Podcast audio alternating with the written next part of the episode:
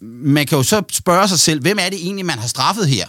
Fordi, jeg ved da ikke, altså hvis, hvis jeg ikke betalte min realkreditlån, og så sagde jeg, det, det, har jeg, ikke- det har jeg ikke noget med at gøre. Øh, der, jeg kan ikke komme ind på min bankkonto og betale. Basalt set er det den situation, Rusland er i.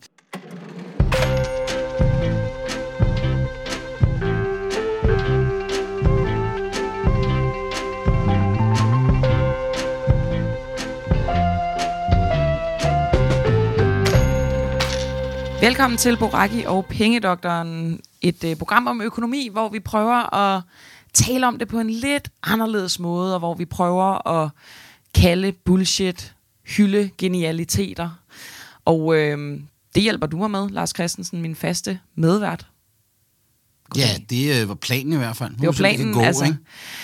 Der er jo lidt øh, dårlig stemning fra start. Dels fordi vi har haft nogle tekniske udfordringer. Dels fordi du øh, proklamerer, lige inden vi trykker optag, at øh, du ikke bryder dig om mumitrollene. Og jeg tror, jeg sagde, at jeg havde mumitrollene. Ja, nu prøvede jeg at sugarcoat it, men øh, det var jo faktisk det, det du sagde. Ja, det, altså jeg, jeg, er lige kommet, jeg er ikke lige kommet hjem fra Helsinki, det er 14 dage siden. Det, det var skønt at være i Helsinki, det skal jeg sige, men, men da jeg lander op i Helsinki, så er det første, der møder mig, det er simpelthen sådan en mumitroll butik. Jeg ville ikke have forventet mindre af Helsinki. Nej, nej, nej. Men jeg havde ligesom... Jeg tænkte på økonomi og finansielle markeder. Det var det, jeg skulle holde foredrag om. Men så står den der mumitroll-butik. Hvor er det dejligt. Ja, det er det. Og Mumie jeg har, jeg har jo hørt et rygte, Camilla, om, Ja. at der er nogen på redaktionen, der kalder dig Lille Mumie. Ej, det er inde i redaktionslokalet på Facebook, hvor der var, nogen, der, var, der var okay. nogen, der var irriteret på mig, og så kaldte de mig Lille Mø, og jeg var bare sådan, det okay. skulle jeg ikke. Ej, det, det synes jeg, jeg, det synes jeg så også er en ubehagelig sviner. Det synes Og jeg også. Ja, det er godt, så er vi enige. Jamen, så er vi jo så er stemningen tilbage.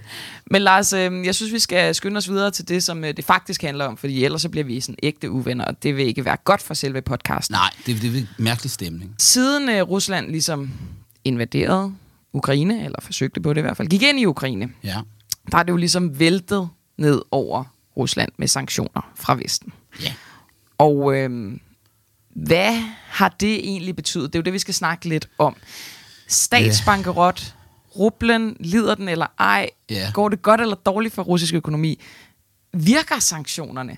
Det seneste, man hører, det er jo, at Rusland er gået statsbankerot, fordi de ikke kan øh, imødegå deres internationale gæld, Ja. så vidt jeg har forstået. Ja, og jeg har det måske ligesom med, med Lille My, som jeg har det med, øh, med ordet statsbankerot. Fordi det er en lidt dårlig oversættelse af et, øh, af et engelsk ord, nemlig en default. Og en default, det betyder misligeholdelse Okay. af en betaling. Og det, der skete i Og det lyder jo til to forskellige uge- ting jo, faktisk, Ja, ikke? det gør det lidt. Ikke? Også, det er det egentlig også. Men fordi du kunne sige, jeg kan lige sige, hvad anledningen er. Det var i, i mandags, der øh, defaultede øh, Rusland på et par betalinger på nogle udstedte statsobligationer. Og de statsobligationer er ikke udstedt i rubler, men betalingen skal foregå i euros. Ja. Og sanktionerne betyder, at russerne i så at sige ikke kan betale noget i euros. Det er fordi deres centralbank, Nationalbank i Rusland, er underlagt sanktioner, så de kan egentlig ikke adgang til alle de penge, de har stående. Er det fordi, de jo er udelukket fra SWIFT-betalingssystem? Det er det ikke. Okay. Men det er en det kan du sige, det er, en, det er for bankerne, som så at sige ikke, at de almindelige kommercielle banker, der ikke Aha. kan foretage betalinger. Man kan sige, den russiske centralbank er lidt i den samme situation. Hvis du skal bruge et billede, så svarer det til, at du har nogle penge stående på din bankkonto, men du kan ikke komme på din netbank, og din kreditkort virker ikke. Men pengene står der jo sådan set. Øh, og, øh, og man kan sige, hvis det nu krævede, at du skulle ind på din netbank for at betale en regning, og du ikke kan komme ind, så betaler du ikke regningen. Men det er jo ikke fordi, du ikke er i, du ikke har penge til at betale. Men omvendt, ikke ville, altså jeg tror da, en kasso ville være skide ligeglad med at sige, jeg har pengene, jeg kan bare ikke betale min regning. Ja, altså, det er jeg helt enig med dig. Og øh, der sidder også nogen anden ende her, der ikke har fået en betaling. Nemlig Præcis. givetvis nogle vestlige investorer, nogle internationale investorer, der har købt de her statsobligationer med en forventning om, at russerne betaler pengene tilbage. Og man kan jo så spørge sig selv, hvem er det egentlig, man har straffet her? Fordi, altså, jeg ved da ikke, altså hvis, hvis jeg ikke betalte min realkreditlån, og så sagde jeg, det, det, har jeg, ikke- det har jeg ikke noget med at gøre. Øh, der, jeg kan ikke komme ind på min bankkonto og betale. Øh, det vil nok ikke holde i længden, men, men, men basalt set er det den situation, Rusland er i, lige præcis i det her element af sanktionerne. Og, og der har jeg nok sådan, det kan jeg, jeg kan ikke rigtig forstå, hvad egentlig er pointen med det her. Men hvad gør mest ondt? At øh, dem, der har udstedt øh, lånene, ikke kan få deres penge tilbage? Er det USA og Europa? Nej, eller? det er private investorer okay. over hele verden. Gør det Og- mest ondt, at de kan få deres penge tilbage? Nej. Eller gør det mest ondt på Rusland, at de går i godsøjne, eller de defaulter, eller går stat? Altså, det, det betyder jo helt konkret, at nogle, nogle mennesker, nogle, for, det kunne være en dansk pensionskasse, der ikke har fået pengene, eller det kunne være en privat investor i, øh, i Tyskland, der havde købt en russisk statsobligation, og så får ikke penge for pengene. Og på dem gør det jo ondt. På Rusland gør det jo ikke direkte ondt, det her, fordi det var jo en situation, som i og for sig var kendt. De har jo sådan set ikke nu i mere end tre måneder kunne foretage ret mange betalinger. Øh, og man kan jo sige, jamen det er jo en del af sanktionerne, og formålet med det er jo i virkeligheden at holde russerne fra at importere. Ikke? Så Mm. hvis du nu har lyst til at føre krig, så skal du have nogle dæk på de der militærkøretøjer for eksempel, og så skal du importere nogle Michelin-dæk fra Frankrig. Øh, eller nogle Pirelli-dæk fra Italien af. Du vidste ikke, jeg havde så meget stor interesse for dæk, vel? Nej, det Øh, ikke, når du ikke kan lide biler. Præcis. Øh, det har jeg heller ikke. Men nu kunne jeg to dækmærker. Øh, men, men, men hvis man nu siger, at man ikke kan, har nogen, kan ikke betale for dem, så har man et problem med sit produktionsapparat. Og det, som er lidt karakteristisk ved sanktionerne, som jeg tror, mange har lidt svært ved at forstå, det er, det handler ikke så meget om efterspørgselssiden. Fordi de siger, vi skal ikke købe deres olie, vi skal ikke købe deres gas. Det vil jo så blive ved med, men vi, er ikke, og vi, men vi jo betaler jo i dollars og rubel, som russerne så ikke kan bruge til at købe noget for. Mm-hmm. Så, så, så, så, så det er sket. Men det, der er, så kan man sige, jamen, deres efterspørgselsside er ikke ramt. Det, der er ramt, det er altså det, de kan købe. Og så kan man sige, men det fungerer på en anden måde i forhold til økonomien. Hvis man nu ser den russiske økonomi som en virksomhed, så er en ting, det er, kan de sælge de varer, virksomheden producerer? Det kan de i et eller andet omfang stadigvæk. Ja. Men hvis de ikke kan producere de varer, så kan de heller ikke sælge dem, vel? Og øh, det er sådan set der, Rusland er ramt. Fordi Rusland er ramt på, at man ikke kan få underkomponenter, for eksempel russisk indrigsflyvning er Boeing-fly, det er Airbus-fly. Mm. De kan ikke få reservedel til de fly. Vi hører også nu, at der er meget, meget svært ved at få reservedel til biler. Øh, russerne er begyndt at producere flere egenproducerede Ja. biler. Ikke? Via Lada is back. Ja, ikke? præcis.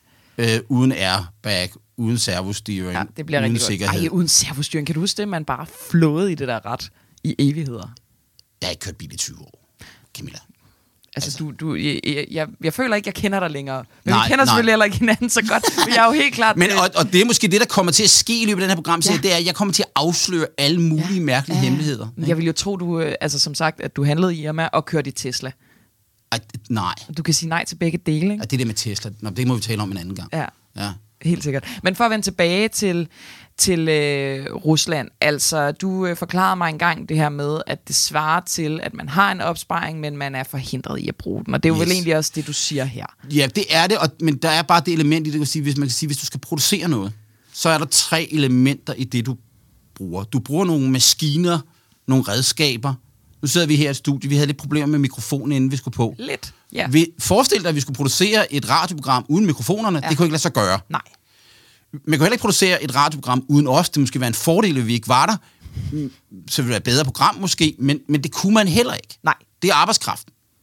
Og så er der så øh, det, vi kalder teknologi eller know-how. Hvor gode vi er til at gøre det, vi gør.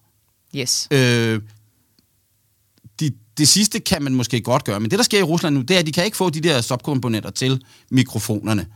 Og dem, der skal producere radioprogrammerne, nogle unge mennesker, de forlader Rusland i stor grad, øh, for de vil i hvert fald ikke blive... De mangler også krig. arbejdskraft. De mangler også arbejdskraft, de mangler kvalificeret arbejdskraft. Der er en række af de udlændinge, som man har brugt i olieindustrien, øh, olieingeniører fra Kanada, fra Skotland, fra Norge, olieproducerende lande, som har forladt Rusland. Og så know-howen forsvinder. Så det, der i virkeligheden sker, det er den der underliggende udsultning af russisk økonomi. Øh, og det betyder så også, at der er det der underliggende løft i alle priser, fordi der bliver knaphed mm. på alting. klart. Og kvaliteten af alting bliver dårligere og dårligere.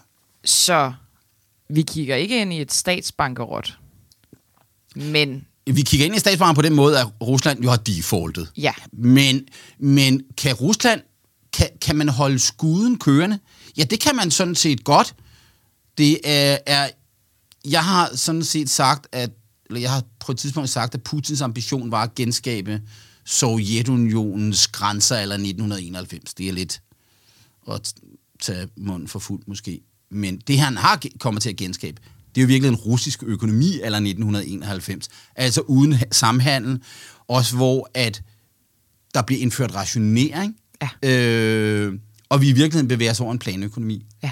Og når vi bevæger os over en planøkonomi, så er vi allerede problemer. Altså, så, så er der stagnation. Men det betyder ikke, at, at Rusland, så at sige, som økonomi, springer i luften. Altså, de første, den første amerikanske embargo mod Cuba blev indført i 1958. Det var før Castro tog magten. Ja. Det var en våbenembargo. Og siden da har, har, har USA jo lavet meget omfattende embargo. Sanktioner, ja. Så vi har altså, øh, øh, altså årtiers øh, embargo mod Cuba, og Cubas økonomi er ikke sprunget i luften. Nej. Men det er jo en fuldstændig stagnerende økonomi. Det er det også fordi, at der er planøkonomi og alt muligt, men de to ting hænger sammen. Ja. Øh, og det samme gør sig gældende for Iran, øh, som jo også har været underlagt sanktioner øh, i årtier i skiftende omfang siden den øh, iranske revolution. i Og det må jo 79. alt andet, altså den stagnation må jo have nogle konsekvenser. Altså, Det har det. Det har, det har store konsekvenser. Det er øh, store konsekvenser. Altså varemangel. Øh, Ja, og Rusland har, Rusland har øh, basalt set siden 2008 været i stagnation. Og øh, det er klart blevet forstærket i 2014. Men man har ligesom holdt, holdt det kørende. Og, og, og, og, og, det oplagt er sådan set, at man holder det kørende. Men for at holde det kørende, så må man jo også for eksempel overveje, vil en russisk stat tillade, at unge mennesker forlader Rusland? Øh, vil man begynde at lave restriktioner på folks rejseri? Det gjorde man jo i tidligere kommunistiske Ja, lande. ja. Øh, bliver man nødt til at rationere i større grad? Øh, skal vi have brødkørende tilbage? Ja, ja. Ej, det er sådan full on det gamle Ja, kommunistiske præcis. Sovjet, og det er sådan et, vi bevæger os relativt hastigt tilbage til, mm. efter min mening. Okay. Og, og, men, men jeg tror, der er mange, der har sådan en idé om, når vi laver sanktioner, så springer det i luften, så kommer der revolution, og så er Putin væk. Ja. Men, men, men, men, men, men, men den slags sanktioner har aldrig eksisteret, og de virker ikke. Man kan sige, det det her gør, fra et vestligt perspektiv, hvad er formålet? Det er i virkeligheden at gøre russisk økonomi så relativt svag, at man ikke kan finansiere en krigsmaskine. Præcis. Øh, og at man ikke i øvrigt har, altså hvis man tager de russiske våben og piller dem fra hinanden, så er der en masse af importerede komponenter i. Og hvis, hvis man ikke kan få fat i de komponenter, så kan man heller ikke producere våbne. Øh, og man kan i hvert fald ikke producere så gode våben. Og, øh, og det er sådan set det, der er formålet jo. Og det er jo et øh, altså fuldstændig prisværdigt øh, og meningsfuldt formål. Spørgsmålet er altså bare, det skal vi ikke snakke om her, men det der med, at der er en bevægelse i, det går jo alt andet lige ud over den russiske befolkning. Ja. Og om det vil ligesom øh, modvirke en eventuel revolution. For det kunne jo godt være. Men det er Al- lidt større snak. Det om er, sådan, synes jeg, en ret stor snak, ikke? Og det er måske ikke... Altså, det, det, er jo klart, hvordan virker det? Altså, man, man, man, altså, personligt har jeg aldrig været stor tilhænger af, at man bare laver sanktioner, ligesom, fordi det har også tit handlet om sådan noget symbolpolitik, og samhandlen er normalt noget som øh, fredsskabende, men vi er jo altså i en situation, hvor der er en krigssituation, og hvor reelt set, at Rusland og omverdenen er i en krigslignende tilstand. Og så, er, så gælder der ligesom nogle lidt andre regler, øh, end, end hvis man bare er lidt sur på hinanden. Du har lyttet til den første halvdel af programmet Boracke Pengedoktoren. Den anden halvdel kan du høre som medlem af Den Uafhængige, og det kan du blive i dag. Gå ind på denuafhængige.dk, og så kan du høre resten af det her program og de andre programmer af Boracke Pengedoktoren. Du kan også høre vores andre podcasts, såsom Spørgetinget eller Spionchefens Hemmelighed, Stockholm-syndromet, og så kan du selvfølgelig høre morgenprogrammet, når du vil. Tak fordi du lyttede med.